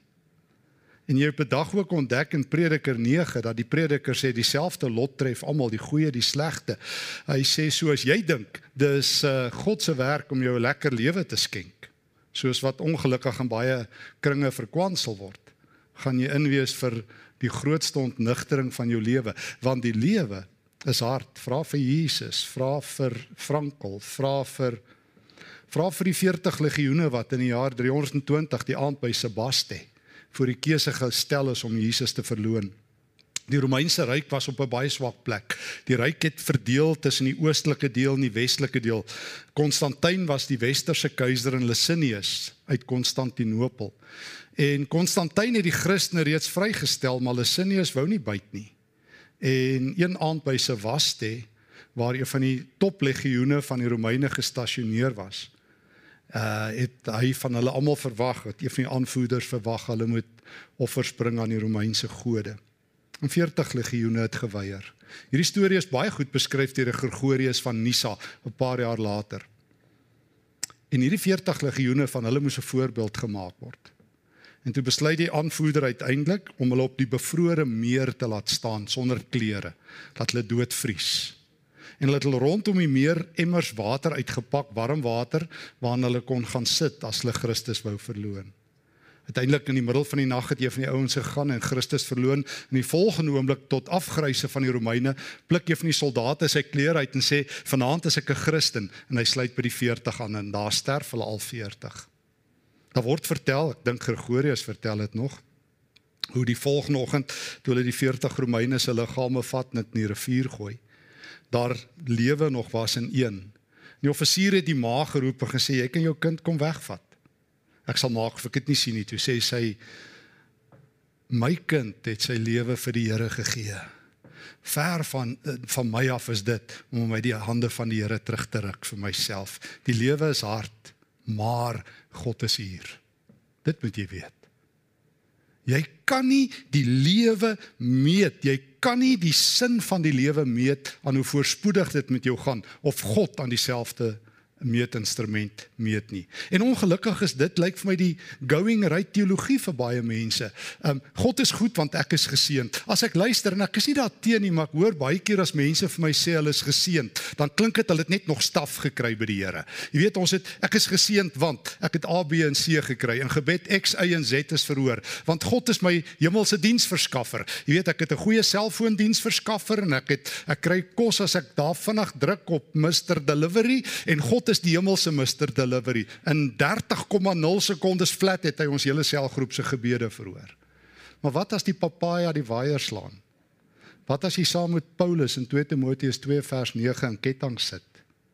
Kan jy saam met Paulus sê al is ek in kettinge, die evangelie is nooit in kettinge nie. O, dis die grootste woorde. Paulus sit in die tronk en dan sê hy vir sy ouens daar buite skryf hy die mooiste briewe en dan sê hy ouens, hier in die tronk het ek ware vryheid eintlik. Want die Here is nie minder hier omdat moeilikheid meer hier is nie. Solank as wat jy God meet aan jou voorspoed, gaan jy 'n voorspoed God hê en die dag as die voorspoed weg is, gaan God weg wees. Glo my, glo my, dit sal gebeur. Totdat jy saam met Dawid wanneer hy Psalm 3 skryf, lank is die dae verby dat hy reuse met klippe doodgooi. Dit gaan sleg met hom. Dit gaan hondsleg as jou eie seun jou wil vermoor. Dawid vat die hasepad. Hy loop te voet uit Jerusalem uit. Weet jy hoe sleg gaan dit as jy jou byvroue moet aanstel, 10 vroue om die paleis op te pas? Dis wat Dawid doen. Hy sê vir sy vrouens: "Ekskuus, ek los julle nou pas julle die paleis op. Daar gaan oom." En dan skryf hy Psalm 3 terwyl sy seun hom jag om hom dood te maak. Skryf hy die van sy mooiste kort psalms. Hy sê: "Here, uit Sion sal U my hoor." God het nie geëmigreer om Dawid uit die stad uit te is nie. God is nie weg omdat Dawid weg is nie. God is nie met ander dinge besig omdat moeilikheid in die land is nie. God is hier. Alles die lewe hart. God is hier. Dis een van die grootste lesse wat ek moes leer in my geloof. Ek moes ook eers my geloof leer en dit toe onleer en dit toe weer herleer, want ek het net gedink God is by suksesvolle en goeie en gelukkige mense want dis omtrent maar al getuies wat ek getuienisse wat ek ooit gehoor het. En ek sê weer, dis nie verkeerd nie. Maar die Bybel het meer getuienisse van hoe God mense in hulle gemors help en hulle aan hulle skoenveters optel en deur hulle krisisse dra. Les 1, die lewe is hard en ek stel dit sommer altyd vir my so op my vinger voor. Ek kan dit so druk, maar God is hier. Nog 'n les wat ek in die lewe geleer het. Dit gaan nie oor myself nie. Richard Rohr sê it's not about me. Dit gaan nie oor myself nie. Dit klink van selfsprekend, maar nie in die wêreld waar ek lewe nie. In die wêreld waar ek lewe, meer as ooit, is dit op 'n megafoon. Daar's net 3 mense wat saak maak en ek is al 3, me, myself and I. Ek myself en ek. What's in it for me? Moenie dink ek selfs in die kerk anderster nie. Elke ou wat ek hoor wat sê hulle is gelukkig in die kerk, jy weet, daai gemeente, hulle groet my. Hulle kyk na my. Hulle gee vir my om. Ek hoor min mense wat sê, "Hoe gaan ek iets doen?" Ek onthou ek was nog 'n jong dominee toe uh dan Kempton toe vat dit tannie die pad uit ons gemeente. Sy sê, "Nee, van julle gee vir my om nie." Ek sê, "Tannie, ekskuus, ek het nou net hier gekom, maar wat kan ek doen om dit vir jou lekker te maak?" Sy sê, "Is te laat. Vir ewig te laat." Daar gaan sy. Siels ongelukkig. Lewe gaan nie oor my nie. Maar die wêreld sê die lewe gaan oor my. En solank as die lewe oor my gaan, gaan ek onvervuld bly. Want um, ek gaan daar maar saam met die Rolling Stones moet sing toe hulle in 1965 gesing het I can get no satisfaction. I try and I try. Onthou julle vir oom Miek. Hy's nou al oud, maar ons het geprobeer. Maar dis altyd net so tree buite jou. Want vir meeste mense is daai lewe oor my. En solank my lewe oor my draai en ehm um, nie wegwys van myself nie. Solank ek in die sentrum is, solank soos ek dink die wêreld draai om my en my behoeftes, gaan ek geen vervulling hê nie. As ek dink God skuld my, ander mense skuld my, my huwelik skuld my, my vrou skuld my, my kinders skuld my, Suid-Afrika skuld my, gaan ek altyd 'n tekortkommer wees. En gaan ek altyd nog iets nodig hê Almal van ons sê Psalm 23 is ons gunsteling Psalm in die Bybel, maar ons jok by vers 1b. Ek kom niks kort nie. Ons is professionele voltydse tekortkommers. Ons kort alles. Staan voor 'n winkel, ek kort daai rok. Staan voor 'n kar, ek kort daai kar. Staan voor Suid-Afrika, ek kort 'n ander land. So gaan dit aan. Ons is voltydse tekortkommers, want ons is nie skape nie, jy sien. Ons is nie skape van die herder nie. Skape volg hulle herder. Maar ons is leeu's en renosters en magtig en sterk en amazones en mighty men. Maar Jesus sê ek soek ek soek skape. So lewe is hard. Maar die lewe gaan nie oor myself nie. Tweedens, dit gaan oor ander mense. Ek lees van 'n vriend van my stuur vir my 'n verhaal aan nou die dag van een van die bekende um, Nigeriese biljoenêers. Hy vertel hoe sy lewe deur sekere fases gegaan het. Die eerste fase was om baie geld te maak. Hy sê toe hy so 'n sak vol geld dat hy kan swem daarin. Hy kom agter hy's nie vervuld nie. Toe skuif sy lewe na kunswerke. Toe begin hy die een kunswerk na die ander te versamel. Toe hy elke meester in sy huis. Maar hy vertel op 'n dag nooi een van sy vriende hom. Uh sy vriend was besig om rolstoele uh, in te samel en te skenk aan gestremde kindertjies in Nigerië.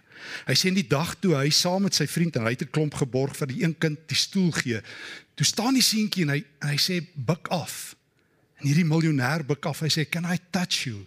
Hy sê I want to look into your face so that I that I can remember you that when I see you in heaven one day I can come and thank you again. Hy sê daai dag het sy lewe verander. Dit was die man wat op sy dag die rykste in die wêreld was, Paul Getty. Die man wat die Getty Foundations en alles gedoen het. In die 70er jare was hy letterlik die rykste man op aarde volgens Forbes. Maar daar in die middel vroeë 70's toe sy kleinseun ontvoer is geweier het om die borggeld te betaal. Uiteindelik het hy die borggeld afgebring en toe hulle uiteindelik sy kleinseun se oor afsny of as ek reg onthou en ehm um, of stukkie van sy haar of van van sy vingers, ek kan dit iets afgesny het en verstuur. Het Paul Getty bereid gewees om 2 miljoen dollar te, te betaal want dit kon hy aftrek van belasting en hy het uit die res van die geld wat betaal moes word aan sy seun geleen teen 4% rente om vir sy kleinseun se vrylating te betaal. En toe sy kleinseun uiteindelik vrygelaat is, het hy geweier om die telefoonoproep te antwoord. Nodeloos om te sê Paul Getty is dood as brandryk arm, brandarm. Skatarm en brandryk. Wat 'n tragedie. Ehm um, dat die lewe partykeer dit met ons doen, nê. Nee. Ehm um, so die lewe gaan nie oor my nie, dit gaan oor ander mense en totdat ek nie die vervulling bereik dat ek 'n diensnag word vir ander mense nie. Dis wat Jesus kom doen het. Dis dis my Here. Hy het gekom om sy lewe vir ander mense af te lê, vir ander mense. Hy het gekom om sy lewe te gee vir ander. En dit is waaroor die lewe gaan. Ek verander verander. Ek verander vir ander mense. Die groot vraag op die ou end gaan nie wees wat het ek vir die Here gedoen nie. Ek ek ek was so 'n bietjie moetswillig toe Tannie een keer vir my gesê het niemand vloek binne ehm um, waar sy is nie. Ek is uh, vir 'n oomblik het ek nie 'n wag voor my mond nie. Daar's baie sulke oomblikke, maar hierdie was een van hulle en ek vra vir Tannie, dink Tannie hulle vloek 10 meter van Tannie af? Sy sê sy moet toegee. So ek sê so tannie het so 3 meter vloekvrye vloekvrye radius om tannie. Ek sê nie mense moet vloek nie, moenie my verkeerd hoor nie. Ek sê is tannie se droom om eendag met alle respek voor die Here te staan en sê ek het 'n 50 meter radius voor my dood bereik. Ek sê tannie moet my regtig nie verkeerd hoor nie. Mag se liewers maar laat mense vloek en dan saam met my sit en dan kan ons die pad van die Here loop. Maar ek kan waaragtig nie eendag voor die Here staan en sê Here, jy weet ek was toe teen alles wat verkeerd is. Ek was toe teen die um, wêreldorde en teen A en teen B en toe die nuwe sonde op die mark was, was ek daar teen. Toe ons sê ek moet nie daai app aflaai nie. Ek was ook daar teen. Dan gaan die Here sê nou waarvoor was jy? Wat het jy gedoen? Het? Waar het jy vir een van my mense wat honger was kos gegee? Jy gesien ek was op straat in Pretoria. Het jy gesien ek het tussen julle rondgeloop? Het julle gesien ek um, ek was tussen julle? Maar ek het 'n derde ding ehm um, geleer by Richard Rohr. Ek leer die lewe is hard, maar soos my wysvingers wegwys, it's not about me. Dit gaan nie oor my nie. Maar derdens, ek is nie belangrik nie. En dit klink amper in hierdie selfgesentreerde wêreld na heiligskennis om te sê ek is nie belangrik nie. Maar natuurlik is ek, sal meeste ouens sê.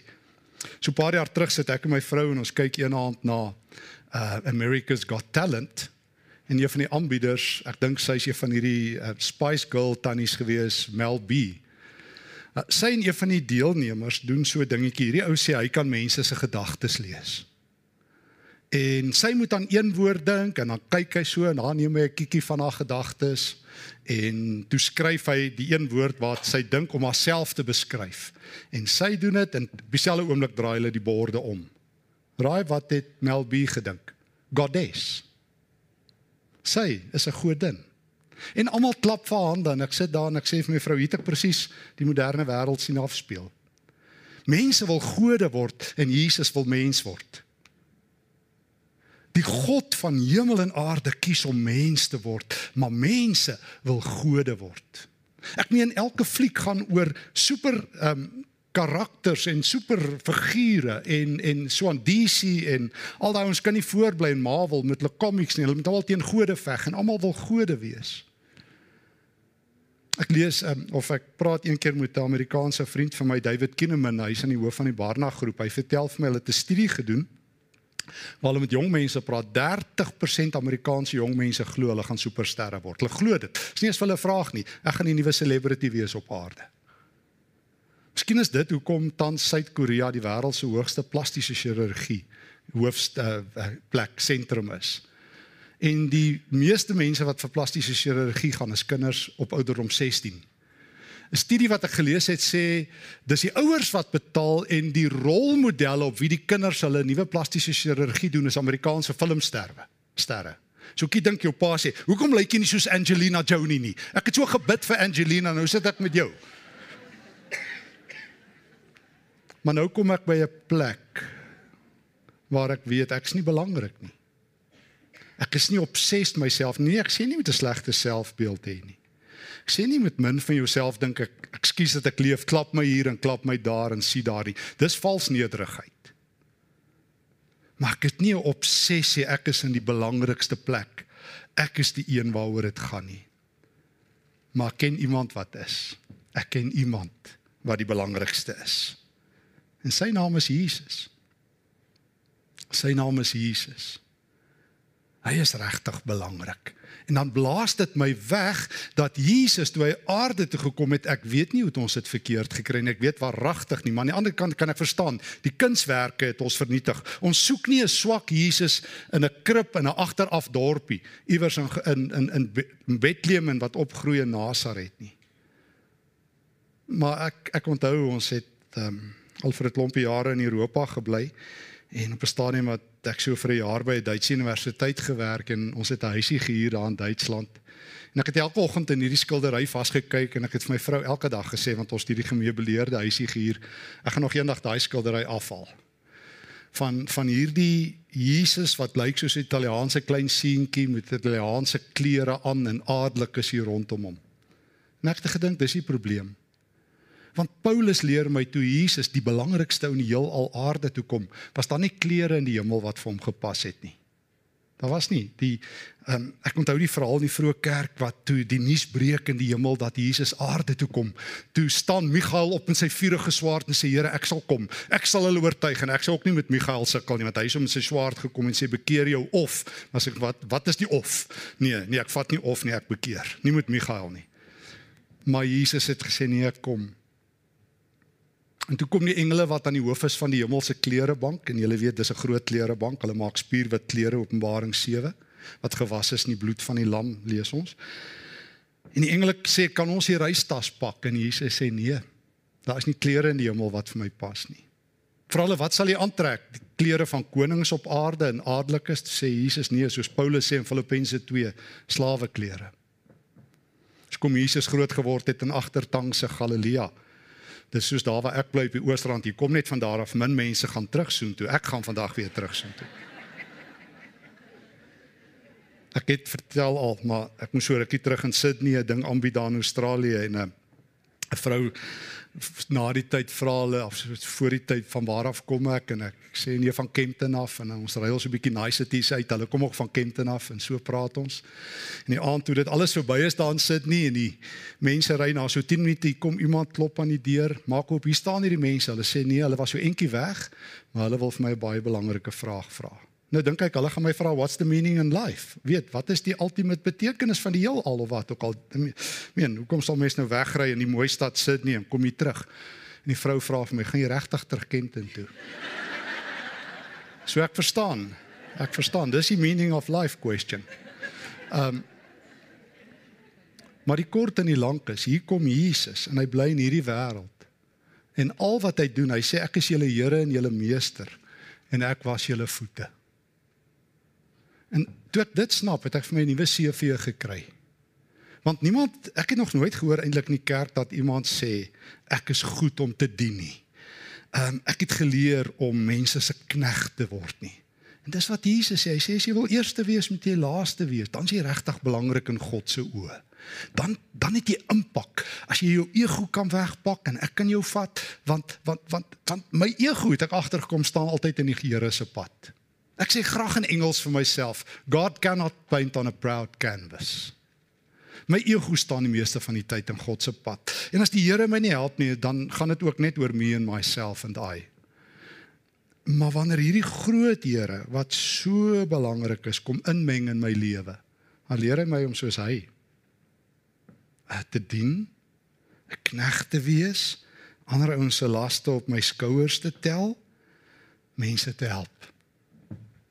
Onthou 'n vriend van my, bekeer is ons by 'n Amerikaanse kongres en die vriend loop na die badkamer toe en daar's iemand besig om die badkamer skoon te maak.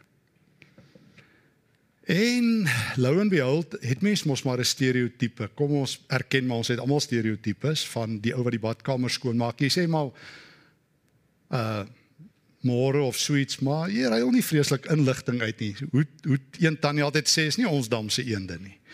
So ehm um, maar hy praat met die ou en hy kom agter die ou praat daar 'n heel intelligente gesprek en toe hy vir die ou begin vra, toe vind hy uit hierdie ou is die CEO van een van die Fortune 500 companies in Amerika. En hy's op badkamerdiens by die kerk. Hy wou uit vir die kerk sê ek wil graag dien. Toe sê ou Rick Warren vir hom jong, dis reg, ons het 'n wonderlik, ons het een van ons top uitreike hierdie week. Jy gaan die badkamers vat.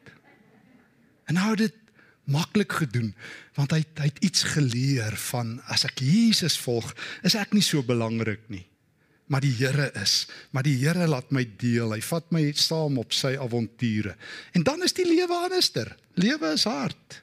Lewe gaan nie oor myself nie. Ek is nie belangrik nie. Maar die lewe is ook kort.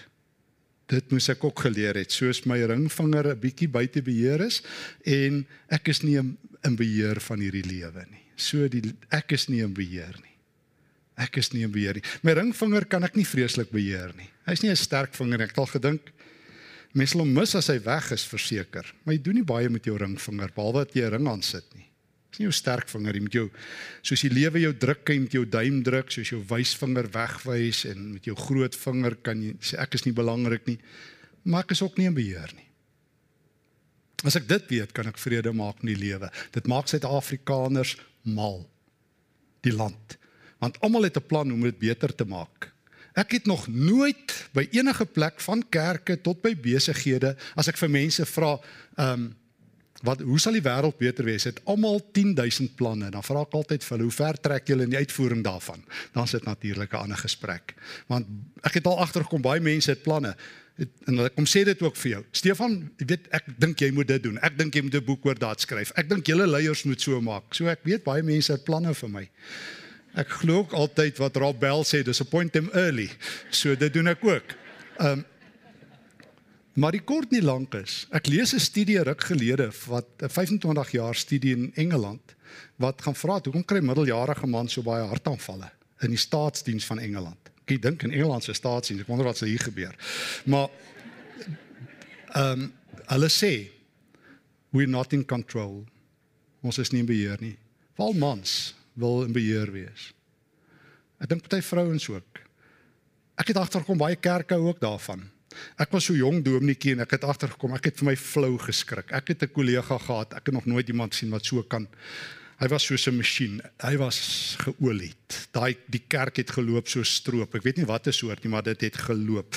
En nou moet ons verslag doen. Ek is totaal ongeordend. Ek het nie baie strukture in my lewe nie. Ek het groot respek vir strategiese mense en gestruktureerde mense. Ek sê altyd vir hulle mag die Here met julle wees. Um, en En nou moet ons verslag doen vir al ons werk en ek dink maar ek kan nie verslag doen nie. Dis vir my relasioneel alles gebeur.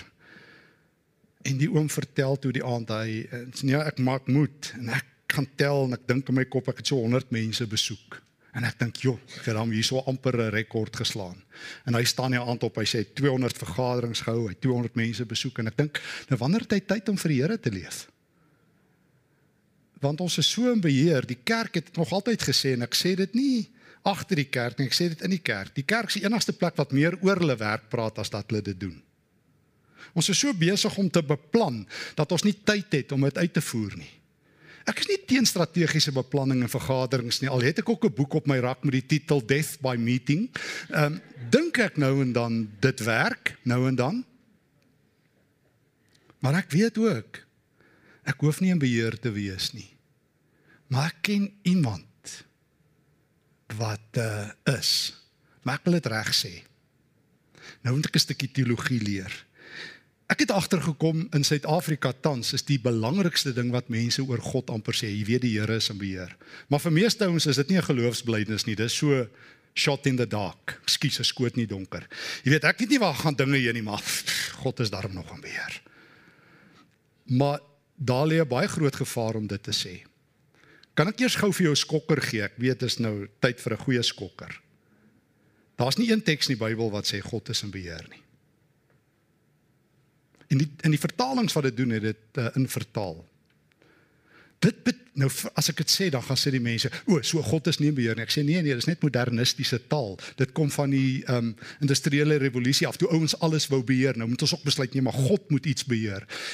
Maar sodra jy beheertaal kry, gaan jy na die rasionele deel van jou brein toe.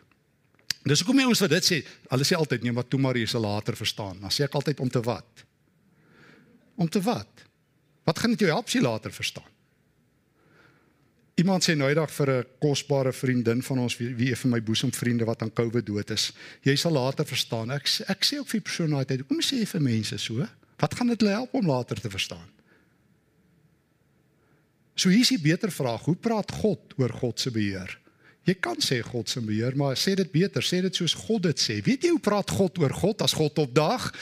Ek kan vir jou sê, want hy doen dit op elke tweede plek in die Bybel, maar Christene lyk vir my lees net staan net op hulle vyf gunsteling tekste.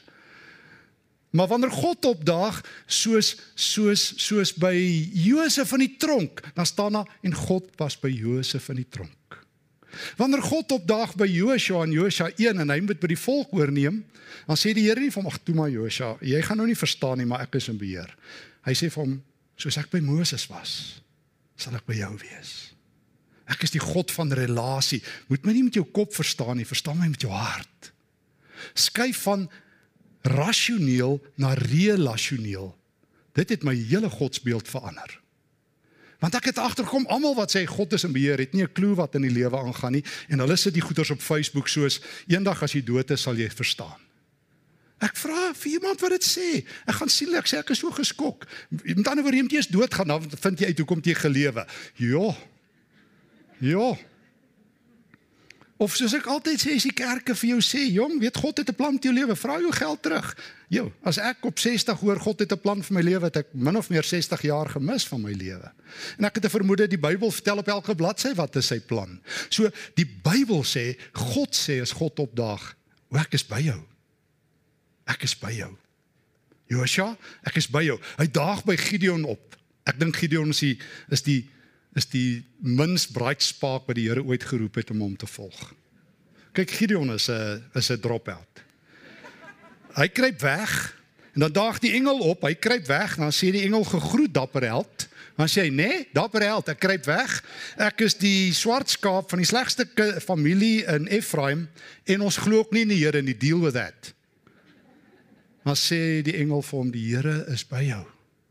Die Here is by jou." Wanneer Jesus se laaste woorde op aarde is. Matteus 28 vers 19 tot 20 sê ek is Immanuel. Ek is by julle al die dae tot die einde. So ek is nie in beheer nie. Maar God is hier. God is by my. God die Here Immanuel is by my. So klompe jare terug het ek die voorreg gehad om so 'n paar keer in Rusland klas te gee saam met my kollega Jan van der Walt. En ons het twee keer in Moskou gaan loop en dalk het julle dit ook al genoem by die mausoleum. En binne in die mausoleum lê die liggaam van Lenin gebalsem. Dis soos 'n tempel uh daar op die rooi plein. Uh ou die ouens het altyd daar gestaan met die Oktober revolusie en dan uh, stap kanonne alles hier onder verby. En dit was vir my elke keer 'n angswekkende ervaring. Ek het dit twee keer gedoen om daar by hom verby te stap en die soldate staan daar met kanonne en alles. Jy mag niks sê nie. En ek onthou ek het elke keer gedink hierdie oom is mors dood. Ek gaan nie roer nie. Nou onthou ek elke keer as ons saam met mense in Israel is en ons sit in die tuingraf van ons Here Jesus en ons hou nagmaal. En ek lees die woorde op die tuingraf. He is not here, he is risen. Jesus het opgestaan en hy leef. So ek sê vir myself, ja, ja, ja, ja lewe is hard, nê, nee, maar God is die Here. Lewe gaan nie oor my nie. Ek's nie belangrik nie. Ek's nie beheer nie. Maar ek ken iemand wat in beheer is en hy druk sy beheer uit. Ek is by jou. En laastens. wil ek so sê die lewe is kort. Soos my kort vingertjie het ek by Richard Rohr geleer, die lewe is kort. Lewe is hard. Lewe um it's not about me, dit gaan oor ander mense. Ek's nie belangrik nie. Ek's nie in beheer nie. Die lewe is kort. Net so is dit verby. En ek wil niemand dreig met dit nie.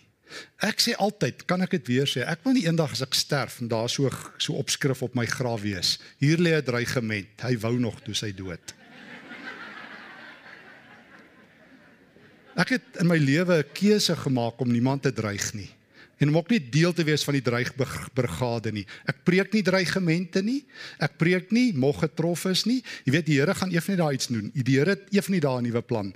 Ek is 'n eksistensialis. Ek lewe vandag. Lewe is kort. Daarom tel vandag. Ek's 'n Christen eksistensialis. Want ek het agtergekom soos nou die dag sê iemand vir my by 'n kerk waar ek preek. Hy sê, "Dis tyd dat ons opstaan, moet opstaan vir die Here." Ek sê, "Ek kan nie." Weet jy hoekom nie? Ek sê, "Want ek doen dit." Moet my nie dreig nie, oom. Moet my nie met die Here dreig nie. Ek doen dit. Ek weet nie hoekom moet jy my dreig nie. Ek weet nie hoekom moet pastore en dominees my in elke preek dreig nie. Ons moet nou iets vir die Here doen nie. Ek doen dit. Want ek wil nie doodgaan as 'n dreigement nie. Ek wil ek weet die lewe is kort. Um so 'n paar maande gelede moes ek my vyfde vriend begrawe aan COVID. Jan Botman, soos wat ek wegry hier van Pretoria Oos begrafplaas. Hy's daar begrawe, breek my hart. Ons kom van Taaibosse daar vir die universiteit saam. En toe ek my motor aansit, toe speel haar 'n lied en ek sê vir die Here, ek nie nog hierdie lied hoor nie, Cinderella. En uh uh hierdie lied het het ou ou wat se naam geskryf nou sy naam uit my kop uit ek sal nou sy naam onthou Stephen Curtis um Chapman hy het hierdie lied geskrywe om te herinner toe sy dogtertjies klein was om saam met Cinderella te dans. Hy sê want hy's so besig. Skryf hy die lied Cinderella. Hy sê I want to dance with you before the clock strikes midnight and she'll be gone. 8 maande nadat hy die lied skryf, sterf sy dogtertjie. Ry sy seun, sy een seun in 'n vratsongeluk met sy bakkie oor sy eie kind. En Steven vertel in sy boek um, wat hy oor geskryf het dat uh, hy hy nooit amper weer Cinderella kon sing nie. Maar nou het hy dit weer reg gekry. En ek het geleer daai dag ook toe ek daar by my ou vriend se begrafnis wegry en hy lied speel. Ek moet dans saam met almal met wie ek moet dans. Ek onthou as 'n jong dosent my dogter herinner my nou die dag daan was ek op pad na 'n vergadering toe en ek verlang so na my oudste dogter. Sy was daai stadium by Tikkies. En ek bel haar, ek sê Tarina is hier by die huis, pappa mis jou by die kos. Sy sê sê pappa ek's hier. Ek sê kom ons gaan drink koffie. Sy sê is reg. Sy sê is pappa nie op pad na 'n belangrike vergadering toe nie. Ek sê ek was. En sy sê gaan pappa in die moeilikheid wees. Ek sê ek weet nie, miskien, miskien nie. Maar ek sal ek het al baie vergaderings oorleef en ek sal hierdie nog oorleef. Maar ek kan nie oorleef om nie my kind te sien nie. Wil nie my kind moet 'n vreemdeling wees vir haar pa nie. Lewe is kort, maar as ek my lewe reg doen en as ek dit goed doen en dit verantwoordelik doen voor die Here, gaan ek saam met my kinders kan dans en my kleinkinders en saam met my vrou en saam met my vriende. Want ek lewe vir vandag. Ek lewe vir vandag, een dag op 'n slag saam met die Here. Dit is um Winnie the Pooh, maatjies, julle ken vir Winnie the Pooh. Winnie the Pooh wat um eendag vir Piglet vra. Uh tell me what day is it? Toe antwoord Piglet, it's today. Waarop uh, Winnie antwoord, my favorite day. En ek onthou van maatjies van Alice in Wonderland, dan daag sy op by die Mad Hatter se teepartytjie. Nou vra die Mad Hatter vir "Is it your birthday?" Sy sê, "No." Hy sê, "What a coincidence. It's a very merry on birthday party." Hy sê, "Kyk hoe klein is die wêreld. Dis ook my merry on birthday. Kan jy dit glo? En ons vier 'n very merry on birthday." Moenie wag vir die regering, die regering, jou verjaarsdag voordat iemand vir jou sê voorspoedige nuwe jaar. En dis ook 'n dreigement. Ek dreig niemand moet uh, mag dit vir jou 'n goeie jaar wees nie. Ek sê hier is die volgende dinge wat in jou lewe gebeur en ek bel jou volgende week om te hoor hoe ver trek hierdie hierdie proses. Dreig niemand moet wense nie. Dit opgehou. So jy gaan dit nie uit my mond kry nie. Maar weet jy wat? Die lewe is kort, maar ek het vandag om dit hoe kan wal te lewe.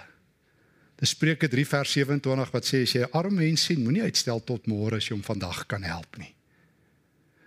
Dis die Here wat vir my sê, moenie uitstel om 'n fees te hou as jy vandag saam met jou vrou en jou kinders kan dans nie. So mense, daar's nie tyd nie. Ons moet gaan fees vier.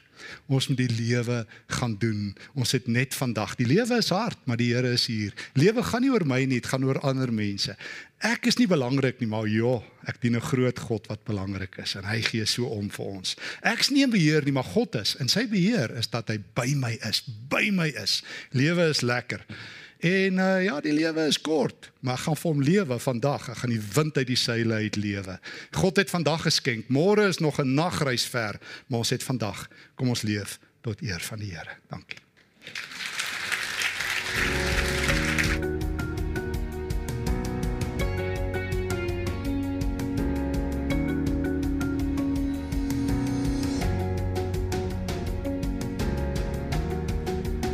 Hallo julle.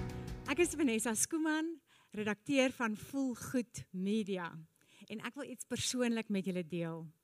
Ek het onlangs vir my pa gehelp om huisversekering uit te neem. Nou ja, julle kan dalk julle wenkbroue lig om te dink maar hoe kan hy nie huisversekering hê nie, maar daar is tog mense wat wat dit nie het nie. Maar nietemin was vir my so maklik om verseker te bel. Hulle het my in Afrikaans gehelp. Hoe lekker is dit om actually te verstaan wat hierdie mense sê. En ehm um, daar's net geen misverstande. Daar's nie daar's nie skuiwergate vir misverstande as jy in Afrikaans gehelp word nie. Hulle diens was flink en was vinnig. Nou verseker is nou al 'n paar jaar ons vernoot met die ek wil ek kan ek sal konferensie. En dit is vir my so lekker om hulle weer vanjaar hier te hê. Vir Brent, Rathman, Monay, jou span. Ek wil vir julle uit my hart dankie sê dat julle saam met ons glo in Afrikaans, dat julle saam met ons Afrikaans praat en dat julle saam met ons droom in Afrikaans want ek weet verseker gaan ba oor baie meer as net versekering. Nie waar nie. So ek wil nou graag vir Brent aan julle voorstel en um, ek roep hom op die verhoog. Baie baie dankie Brent vir jou tyd.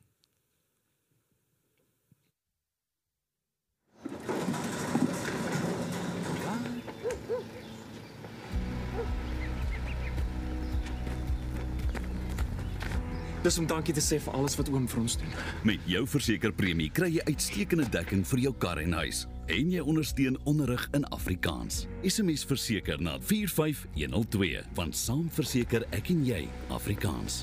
Verseker, jou versekering, jou mense, jou taal. Dis hy. Jou mense, jou taal.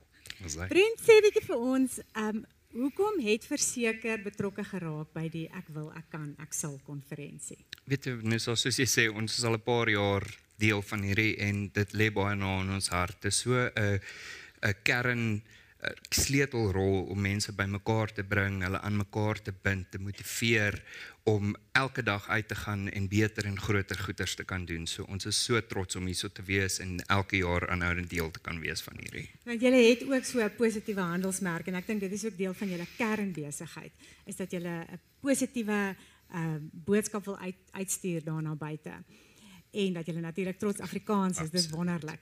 Sê gou vir my, watse watter tipe produkte uh bied verseker vir kliënte? So verseker is 'n trots Afrikaanse versekeringsproduk. Ons is al vir meer as 'n dekade lank aan die aan die gang.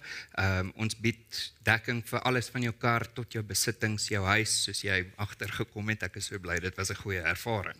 Ehm um, tot jou besigheid. Ehm um, jy weet in ons offer nie net so so versekerings nie. Uh verseker is al vir 5 jaar in 'n ry onder die top 3 presteerders van die South African Customer uh, Satisfaction Index en ons het al 3 uit daai 5 jaar weggeloop met die topspot. Fantasties. Ja, so baie baie trots.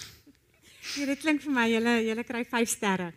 Maar dit is so, dit was regtig my ervaring ook. Ehm um, toe ek toe ek verseker gebel het en ek is seker daar's 'n klomp mense uit die gehoor wat dit kan beamoen dat ehm um, dat dit dat die diens regtig flink is. Nou verseker gaan ook oor en ek het dit al gesê, dit gaan eintlik oor baie meer as net versekerings. Julle ehm um, wil ook graag 'n verskil maak in die gemeenskap. Vertel ons van die Verseker Trust. Absoluut. So soos jy daar sê, verseker se hart klop vir baie meer as net versekerings. Ehm um, jy weet oor die jare het ons die die trust aan die been gebring en dis met klein bietjies, my bietjie, jou bietjie, al ons kliënte se bietjies wat bymekaar dra om nie net 'n bietjie te wees nie. Um en die trust is daar om Afrikaanse onderrig, sport en kultuur te bevorder. Um jy weet sodat uh, studente kan klas gaan by 'n wêreldgehalte universiteit akademie wat hier in Centurion sit uh laat trotse ouers hulle kinders kan sien uithol op die versekerbeker rugbyveld. Um ons het 'n 47-jarige vrou wat nadat sy nie um aan die einde van matriek kon gaan swat het nie, het sy uiteindelik op 47 al bekom graad klaar gemaak by akademia met onderskeiding. So daai bietjie bietjie bietjie bydraes, jy weet, voordat jy sien, is dit nie meer net 'n bietjie nie. Um en as ons kliënte, ons staan absoluut op hulle skouers. Ons dank hulle vir hulle bydraes. Um En teen die einde van Maart is ons um, op die spoor om oor die 100 miljoen rand al te geskenk het aan Afrikaanse sport, kultuur uh en kuns. So ek dink dit verdien 'n hande klap. Fantasties. Ja, so so ons is regtig absoluut trots om om die trust aan die gang te hou en ons kliënte se bydraes is onbeskryflik wat ons nodig. Is dit outomaties dat as jy aan verseker behoort dat jy 'n bydrae maak tot hierdie trust? Ja, uit elke premie is daar 'n paar randjies en daai paar randjies van elke kliënt word bygedra en oorbetaal aan die trust. Daai gaan dan om al ons inisiatiewe te ondersteun, rentevrye studente lenings aan aan studente te bied sodat hulle universiteit kan bywoon en so aan. Wonderlik. Brent en dan um, ja, is daar nog enige laaste gedagtes want ek weet ons moet ook by kompetisie uitkom, ja, nee. Ja. Kompetisie wenners uitkom. Ag ek wil maar net sê, jy weet almal hierso wat kyk, ehm um, wat hier in die verhoor is saam met ons, ehm um, almal van ons het superkragte of jy nou 'n uh, 'n briljante besigheidsin of 'n entrepreneursin het of jy goed is met tegnologie of kunstig is en mooi skryf, al het jy net 'n lekker oor wat mense, jy weet, wat luister na mense se probleme. Um, vat daai superkrag, vat dit in die wêreld uit. Ehm um, en maak dit 'n beter plek. Jy het iets spesiaal in jou en uh jy kan. Julle het superpowers. Glo julle dit? Ja. Ja. Ja. Goed, sê vir ons wie se wenners. Lekker. Dan het ons ook ons kompetisie. Ons het een wenner hier in die gehoor by ons en een aanlyn wenner. Ek roep my bemarkingsassistent Monay op om vir ons die name te oorhandig.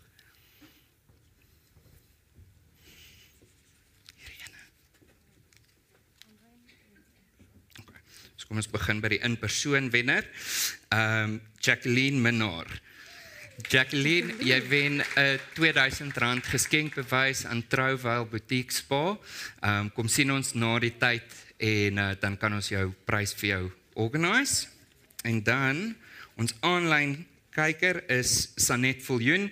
Baie geluk Sanet, ons sal binnekort in kontak wees met jou en jy het ook 'n R2000 geskenkbewys aan Trouwel uh, Boutique Spa. Fantasties. Baie dankie dankie vir jou tyd.